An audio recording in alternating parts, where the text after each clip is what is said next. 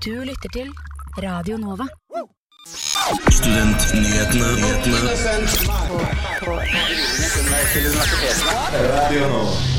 Hei, hei, og velkommen til Studentnyhetene i dag 5. mai. I dag hører du meg, Julie Biberg Bø, og med meg i studio har jeg Nora Torgersen.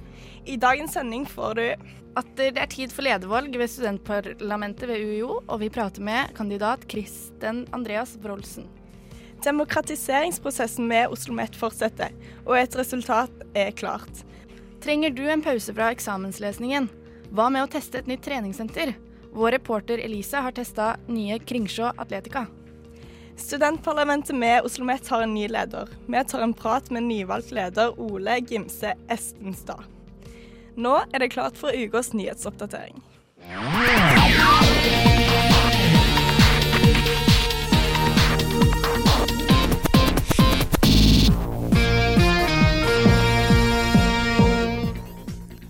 2035 kommer Norge til å mangle 28 000 sykepleiere, ifølge Statistisk sentralbyrå. Mm. Det melder VG. Leder i Norsk Sykepleierforbund, Eli Gunhild By, mener dette er veldig alvorlig, og at politikerne må våkne. Løsningen kan ikke bare være å utdanne flere, mener By, for da vil ikke andre oppgaver i samfunnet bli løst, så vi må tenke nytt for å få flere sykepleiere til å utdanne seg og bli i jobben.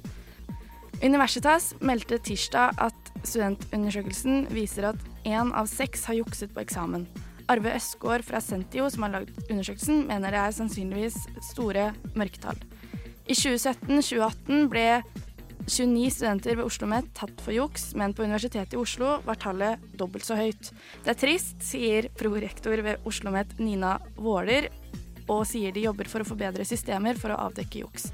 Hanna Ekeli avdelingsdirektør for studieadministrasjonen ved UiO, sier at de også jobber hardt for å forhindre juks.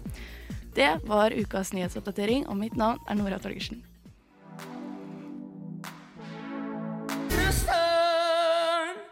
Valget med studentparlamentet ved UiO er ferdig for denne gang. Men det er et annet valg som nærmer seg i horisonten, nemlig valget til arbeidsutvalget til studentparlamentet ved UiO. En av de som stiller, er leder Kristen Andreas Wroldsen. Velkommen til oss. Takk, takk. Hvorfor stiller du som leder? Jeg stiller eh, først og fremst, jeg sitter jo i arbeidsutvalget i dag. Jeg sitter i universitetsstyret på UiO og eh, er miljø-, velferds- og økonomiansvarlig for studentparlamentet. Eh, jeg stiller først og fremst fordi jeg mener vi jobber med veldig mye spennende ting. Og det er også et veldig spennende år å jobbe i studentparlamentet. UiO driver nå og utvikler sin neste tiårsstrategi.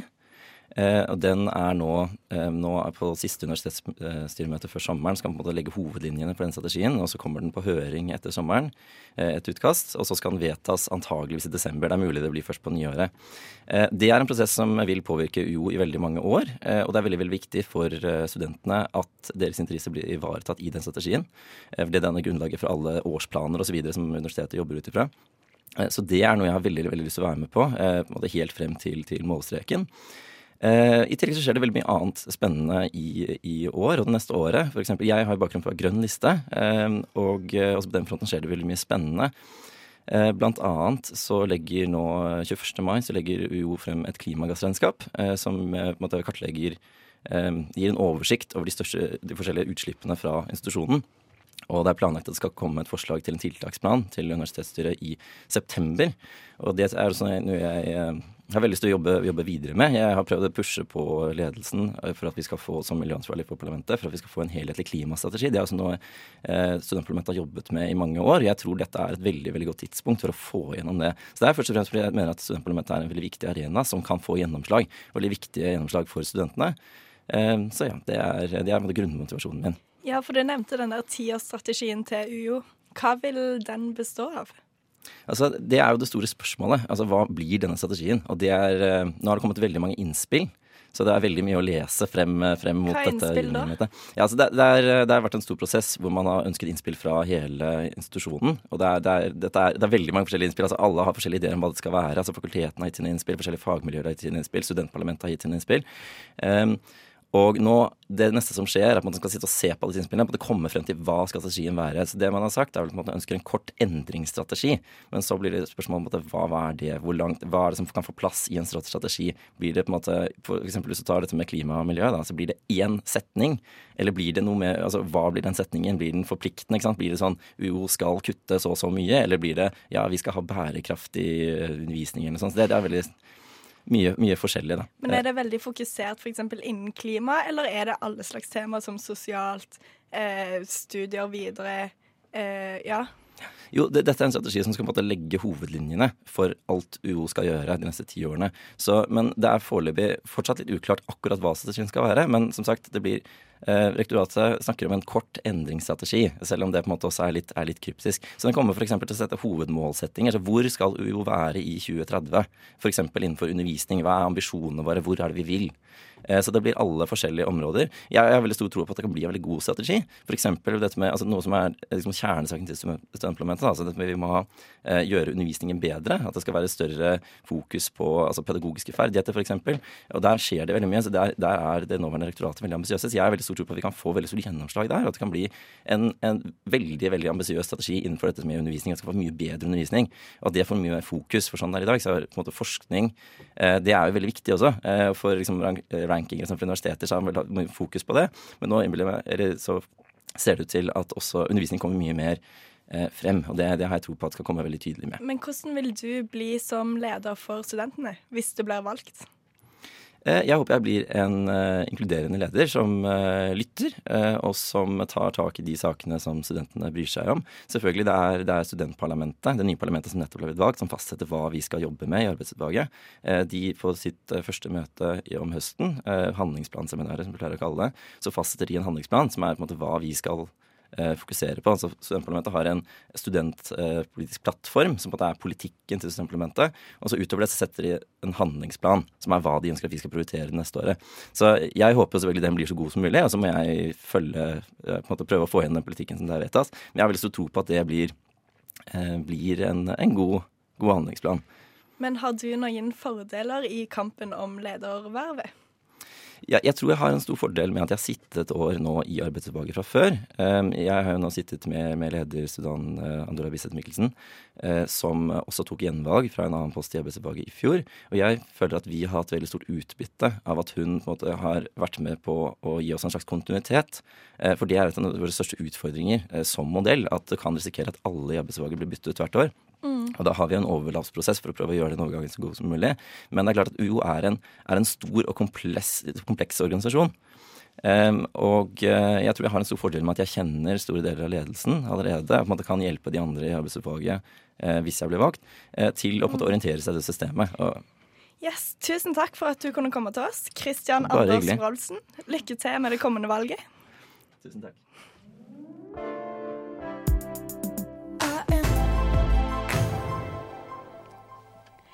Der hørte du Das Body med 'Taller Than The Average Man'.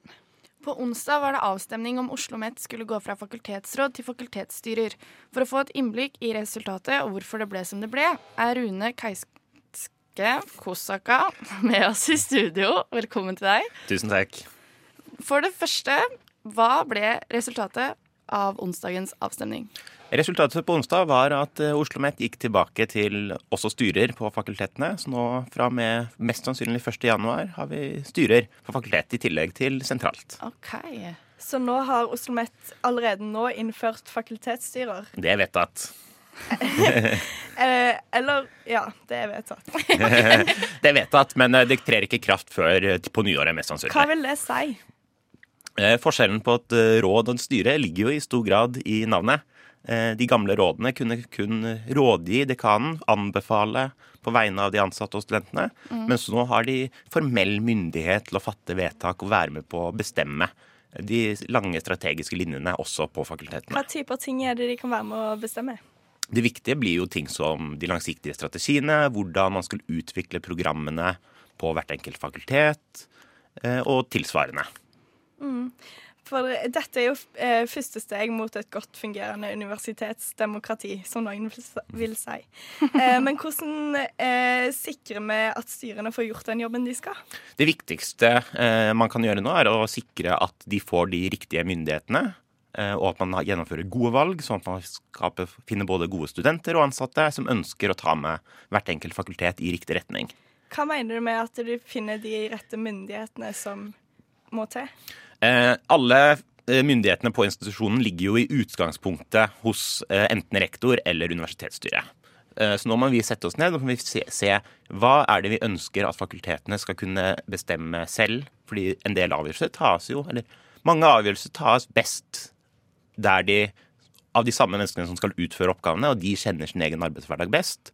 Nå må vi finne ut hvilke myndigheter skal de få lov til å bestemme selv, og hvilke ting må vi fortsette å bestemme sentralt. Men hvilke myndigheter mener du det er viktig at fakultetene bestemmer sjøl? Eh, Jeg mener i hvert fall ting som langsiktig strategi, eh, hvordan de velger å legge opp sine egne studier, utvikling av studieporteføljer, eh, hvilke masterprogram de skal tilby, og tilsvarende. Er det et problem at det før har ligget alle avgjørelsene før har ligget på høyere nivå? Eh, Jeg tror jo det. Eh, Jeg mener at det har en, både en kvalitet i seg selv at det blir vedtatt av et faglig kollegium, og at de menneskene som faktisk skal utføre oppgavene nå, eh, er de samme som bestemmer det. Det gjør som man skal få høyere eierskap til de sakene som blir vedtatt, og jeg tror det vil sikre driften videre. Men hvem er det som skal sitte i disse øh, styrene? Eh, Disse styrene kommer til å være ledet av dekanen, eh, i tillegg til fire eksterne representanter valgt av rektor. Og så skal de ansatte få lov til å velge fem, og studentene skal velge tre. Ok, Kan du ikke forklare litt hva er en dekan for oss som ikke vet det? Eh, Dekanen er den faglige lederen på hvert enkelt eh, fakultet. Men hva er egentlig din eh, stilling oppi alt dette? Jeg har sittet som styremedlem i universitetsstyret nå det siste året, og har vært en, en av pådriverne for å få i gang denne prosessen. Eh, for når er det vi får vite om fakultetsstyrene får de fullmaktene de trenger?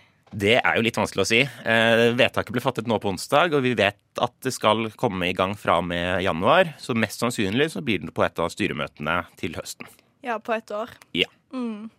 Kommer du til å sitte i et av disse styrene? Eh, nei. Nei. Eh, jeg sitter som eh, førstevara i universitetsstyret den neste perioden, og kan derfor ikke sitte i andre styrer på institusjonen. Ja.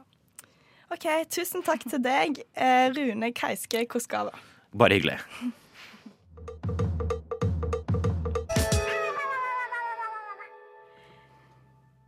Der hørte du Coconut Crab med mango. Nå har eksamenstokka bredt seg utover Oslo, og du finner nok de fleste studenter med nesa godt ned i boka. Så hvilken tid er det bedre å bevege seg litt på kroppen?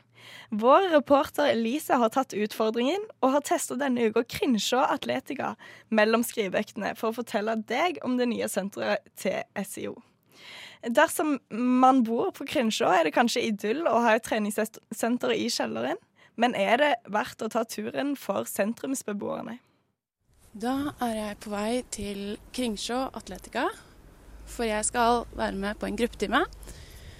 Kringsjå Atletica er den nyeste av atleticaene som vi har her i Oslo. Og der finner du både styrkerom og gruppetimer og PT-er. For å komme til Kringsjå Atletica så kan du ta T-banen til Kringsjå eller bussen til Kongeligveien. Det er rett og slett bare ett stopp fra Sognsvann. Dersom du liker å løpe, så er det derfor en perfekt mulighet for å kjøre en styrketrening rett etter du har vært ute og løpt rundt Sognsvann. I dag så skal jeg være med på en styrketime som er i utegymmen på Kringsjå studentby. Og det som er så fint med denne timen her, er at man kan være med selv om man ikke er medlem i SIO. Eh, Og parken kan brukes eh, dersom ikke den blir brukt eh, av SIO sine gruppetimer. Det som er litt spesielt med Kringsjå Atletica i forhold til de andre atletikerne vi har her i Oslo, det er at de kun har timer som er ute. Inne så er det ikke noen gruppesaler, det er kun styrkerom. Alle timene foregår også på engelsk, så dersom man er en utvekslingsstudent og har lyst til å trene, så er det mye enklere å dra dit, for da alt foregår på engelsk.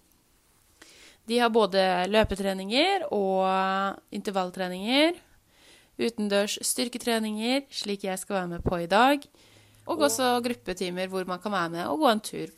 Så nå er det ikke noe annet for meg å gjøre enn egentlig å bare komme meg til styrketimen og bli litt svett og litt varm og få løsna litt på stresset som er å lese til eksamen. Ja Da er jeg ferdig. Eh, det var, eh, det var kaldt.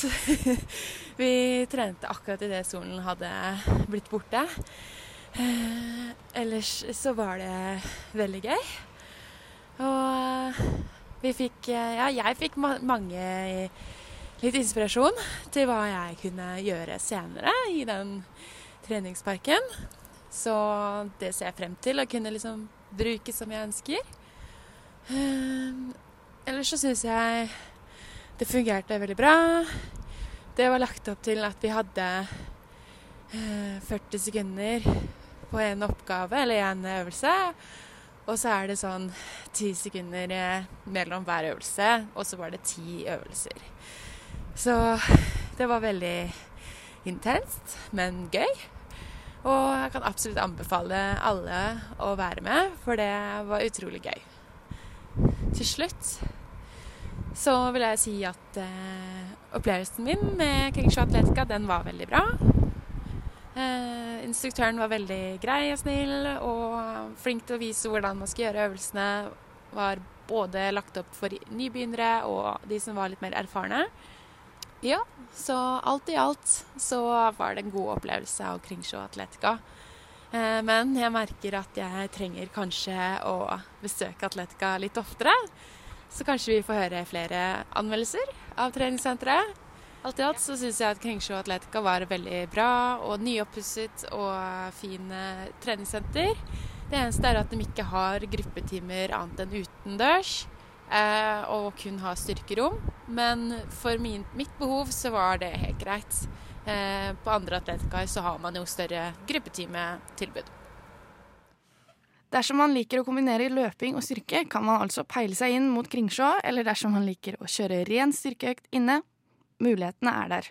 Reporter i saken var Elise Kubberød.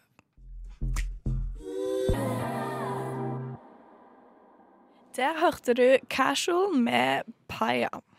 Forrige lørdag hadde studentparlamentet ved Oslo OsloMet valg for sitt arbeidsutvalg. Resultatet av dette var bl.a. at Ola Gimse Estenstad ble ny studentparlamentsleder ved Oslo OsloMet. Velkommen til deg! Tusen takk. Først og fremst, gratulerer med valget. Ja, takk igjen. Hva tenkte du når resultatet var klart? Nei, altså Jeg var veldig sjokkert, men samtidig så var jeg veldig glad. Ja. Selvfølgelig. Eh, det er en stor ære å få mulighet til å bidra på studentpolitikken på en så stor skala og i en så stor rolle. Og ja. Nei, det var stort for meg. Ah. Eh, hvorfor ville du stille til leder? Nei, originalt så hadde jeg egentlig ikke stilt til leder. Jeg hadde stilt til nestleder, hadde jeg. Eh, men grunnen til at jeg takka ja til ledervervet, var fordi at jeg tror at jeg har de evnene som kreves i et lederverv. Det å kunne lede team og det å kunne bidra på en best mulig måte til å bedre studiehverdagen for alle studenter. Men hva er det som blir dine konkrete arbeidsoppgaver nå som du er leder? Nei, Det blir jo å lede arbeidsutvalget, og så blir det å videreføre den politikken som studentparlamentet ønsker at vi skal videreføre. Eh, fremover, så, sånn som de, resten av dem jeg sitter i arbeidsutvalget med, så blir bærekraft en eh, veldig konkret sak som vi skal arbeide med inn mot universitetet. da. Og det er veldig viktig. Det har man sett bl.a. med klimastreiken og lignende. Er det en av dine hjertesaker? ja. ja. Okay. Har du noen andre hjertesaker? Nei, en av eh, de andre hjertesakene mine Det, det er jo så utrolig mange hjertesaker jeg har, selvfølgelig. Men en annen ting er first year experience. At man skal føle at man hører hjemme på studiet, og at man skal føle at man ikke har lyst til å droppe ut. da. For jeg kjente på følelsen sjøl av når jeg gikk på studiet i fjor, at det, det passa ikke helt for meg, og jeg fikk ikke helt de sosiale relasjonene som jeg kanskje ønska meg hele tida. Og jeg var veldig mye alene. og det her har veldig mye med first year experience å gjøre. At man får de sosiale omgangskretsene man trenger, og at man får de forelesningene gode nok og lignende. Hva er det du kan gjøre eller tenke å gjøre for å forhindre det? Nei, jeg tenker at man annet kan arbeide med at man faktisk får forelesere som og forelesere og lærere for så vidt som bryr seg om studenten, som ser det enkelte individet i klasserommet, som sitter foran dem, og som sørger for at de faktisk har det bra. Ser de at de har en tung dag, og ser de at de kanskje har det litt vanskelig, så tar de kontakt og er sånn Hei, hvordan går det med deg? For det tror jeg er en relasjon man savner i klasserommet nå til dags. Så jeg skjønner jo at man ikke har like mange timer når man er på universitetet, men jeg tenker at likevel, med den lille tida forelesere og lærere har, at de skal klare å se studentene sine. da. Tror du at det er mulig med så, eh, så mange elever i hver, hver klasse? Nei, altså det, det, kommer til å være begrensa, men eh, det er noe man må arbeide med, selvfølgelig. Eh, for min del så skulle jeg ønske at alle sammen hadde en super studietid, og at all, ingen var ensom og lignende. Men det er ikke realiteten, og da må man faktisk gjøre det man kan for å arbeide med det. Hva erfaringer har du som vil gjøre deg en god leder? mener du sånn politiske verv, eller sånn Ja, alt av eh, ledererfaring, eller? Eh, fra tidligere så har jeg hatt eh, mange verv i partipolitikken, har jeg, eh, som har gitt meg mye kunnskap om hvordan man best mulig kan lede et team, og hvordan man på kreative måter kan finne politiske løsninger. Eh, samtidig så har jeg engasjert meg veldig mye nå i studentparlamentet og i velferdstinget og i andre verv på utsida, som har gitt meg mer kunnskap om hvordan studentpolitikken fungerer, og hvordan man best mulig kan eh, føre en vei videre for fremtidige studenter. Hvordan man kan rett og slett da være en leder. Eh, hvorfor er det så viktig å engasjere seg? Oh, det, er tusen, det er tusen grunner til det. Altså, den viktigste grunnen til at du engasjerer deg, er for at du bidrar til å bedre hverdagen til andre folk. Det mener jeg er viktigst. Og så er det selvfølgelig det sosiale ved det også. Du får deg nye venner. Og selv om dere er politisk uenige av og til, så er det bare hyggelig. Det er god stemning, spesielt på studentparlamentet ved Oslo Met. Så du er litt sånn kanskje alle bare var venner? Nei, altså i, i, forskjellige saker så er man ikke alltid venner, og det syns jeg er greit. Man skal få lov til å være politisk uenig og alt sånn. Eh, men jeg syns det er koselig når folk er venner, selvfølgelig. Mm. Hvor, hvor, ofte møtes dere i studentparlamentet? Eh, vi har gjennomsnittlig tre til fire store møter i løpet av eh, halvåret. Eh, og det varierer hvor stort omfang de her møtene har, hvor mange resolusjoner som har blitt sendt inn og lignende. Eller så har vi, hvis du har stilt til andre verv, da, så har man eh, forskjellige møter i forskjellige utvalg og lignende. Så. Hvor mye makt har studentparlamentet? Eh, mye makt, vil jeg påstå. Eh, universitetet har lyst til å høre på hva studentene sin mening er, og har lyst til at studentene skal ha det best mulig. Tusen takk for at du kunne være med oss, Ola Gimse Estenstad. Vi ønsker deg lykke til videre i stillingen din som leder. Tusen takk.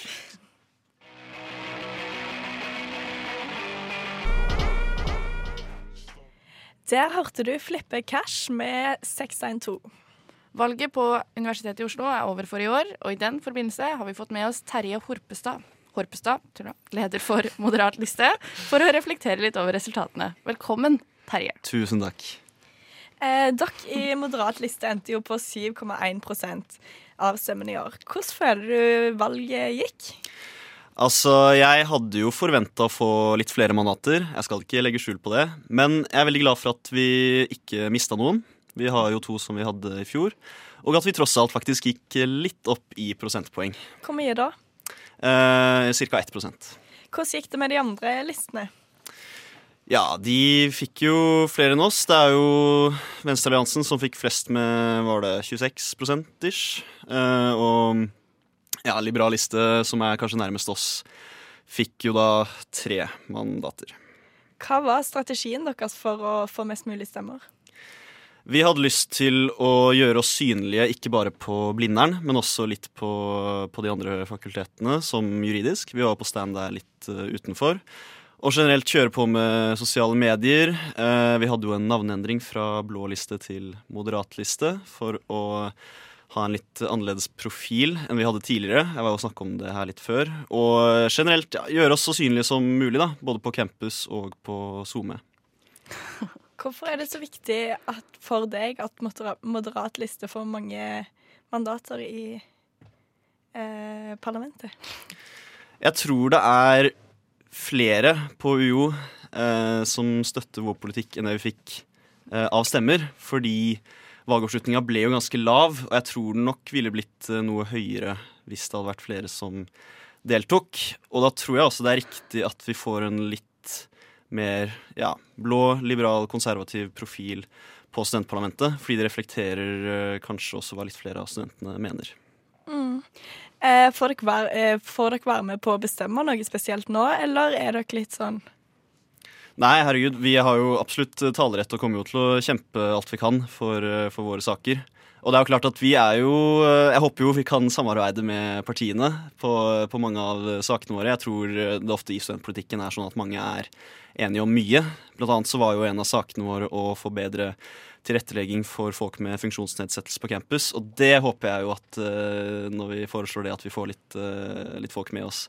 Og jeg vet jo også at Liberaliste er jo med oss i mange saker, som f.eks. å få inn litt flere private aktører på campus, og at ja, med, med alt i politikken så gjelder det jo å samarbeide snakke litt med de andre listene, se på noen kompromisser og få de gjennomslagene man kan få da, når man er i mindretall. Hvordan har dere tenkt konkret å tilrettelegge bedre for funksjonshemma? Jeg fikk jo eh, Jeg spurte jo litt folk rundt da jeg sto på stand om dette her. Og eh, det kom ei, eh, ei jente opp til meg og sa at venninna hennes hadde måttet slutte å gå helt på, på forelesninger fordi det ikke var tilrettelagt for uh, ryggproblemene hennes. Hun kunne altså ikke sitte ordentlig. Uh, og det gikk Det var liksom ikke plass nok for henne å, å delta der. Uh, foreleseren han podkasta ikke, og hun måtte egentlig droppe ut av studiet. da. Så om det er mulig, få flere ståplasser for mennesker som, som sliter med liksom det problemet der, ikke sant. Og, og ellers mer digitalisering av forelesninger for de som ikke har anledning til å gå. Vi vil jo ha at alle forelesere skal måtte podkaste forelesningene sine. Det er jo frivillig nå. Det er jo ikke alle som gjør det, dessverre. Eh, og andre tiltak som pensum på lydbok for svaksynte og blinde og litt flere ting, da. Så det er et par av sakene. Vi skal snakke mer sammen, eh, men nå skal vi høre hymn med Ni grader nord.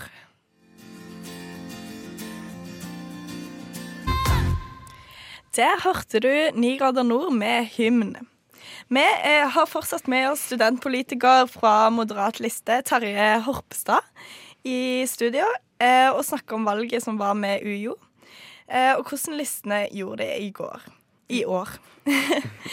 er dere egentlig overraska over utfallet ved årets valg? Uh, jeg er litt overraska. Jeg håpte jo at vi skulle få litt flere mandater med tanke på at Fremskrittslista ikke lenger uh, stilte noen liste, og at de velgerne kanskje gikk til oss. Men det Vi fikk iallfall ikke alle. Da ville vi fått litt mer prosentpoeng. Så framover så må vi jo jobbe for å, for å få litt flere på høyresida over på vårt parti, da, vår liste. Ja, for dere sa jo at eh, Eller du sa jo at studentene ønsker politikken deres. Mm. Men oppslutninga viser jo ikke det.